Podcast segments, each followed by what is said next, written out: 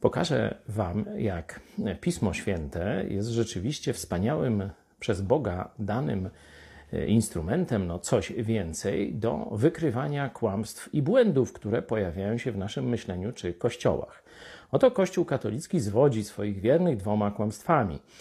Kłamstwo numer jeden: głową Kościoła jest papież. Kłamstwo numer dwa: Biblię dał nam Kościół, no i tylko on ma prawo ją zmieniać, interpretować i tak dalej.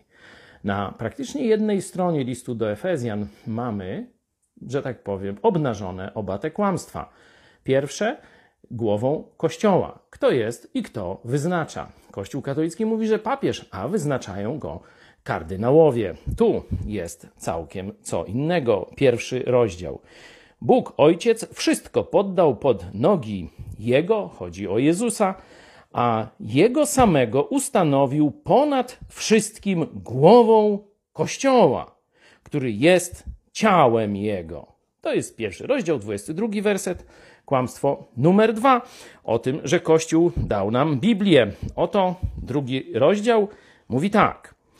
E, tak więc już nie jesteśmy tu o chrześcijanach, obcy, obcymi przychodniami, współobywatelami świętych, domownikami Boga, zbudowani na fundamencie apostołów i proroków. To apostołowie i prorocy dali Słowo Boże w wersji spisanej, ale kto jest jego autorem? Zbudowani na fundamencie apostołów i proroków, którego kamieniem węgielnym jest sam Chrystus Jezus.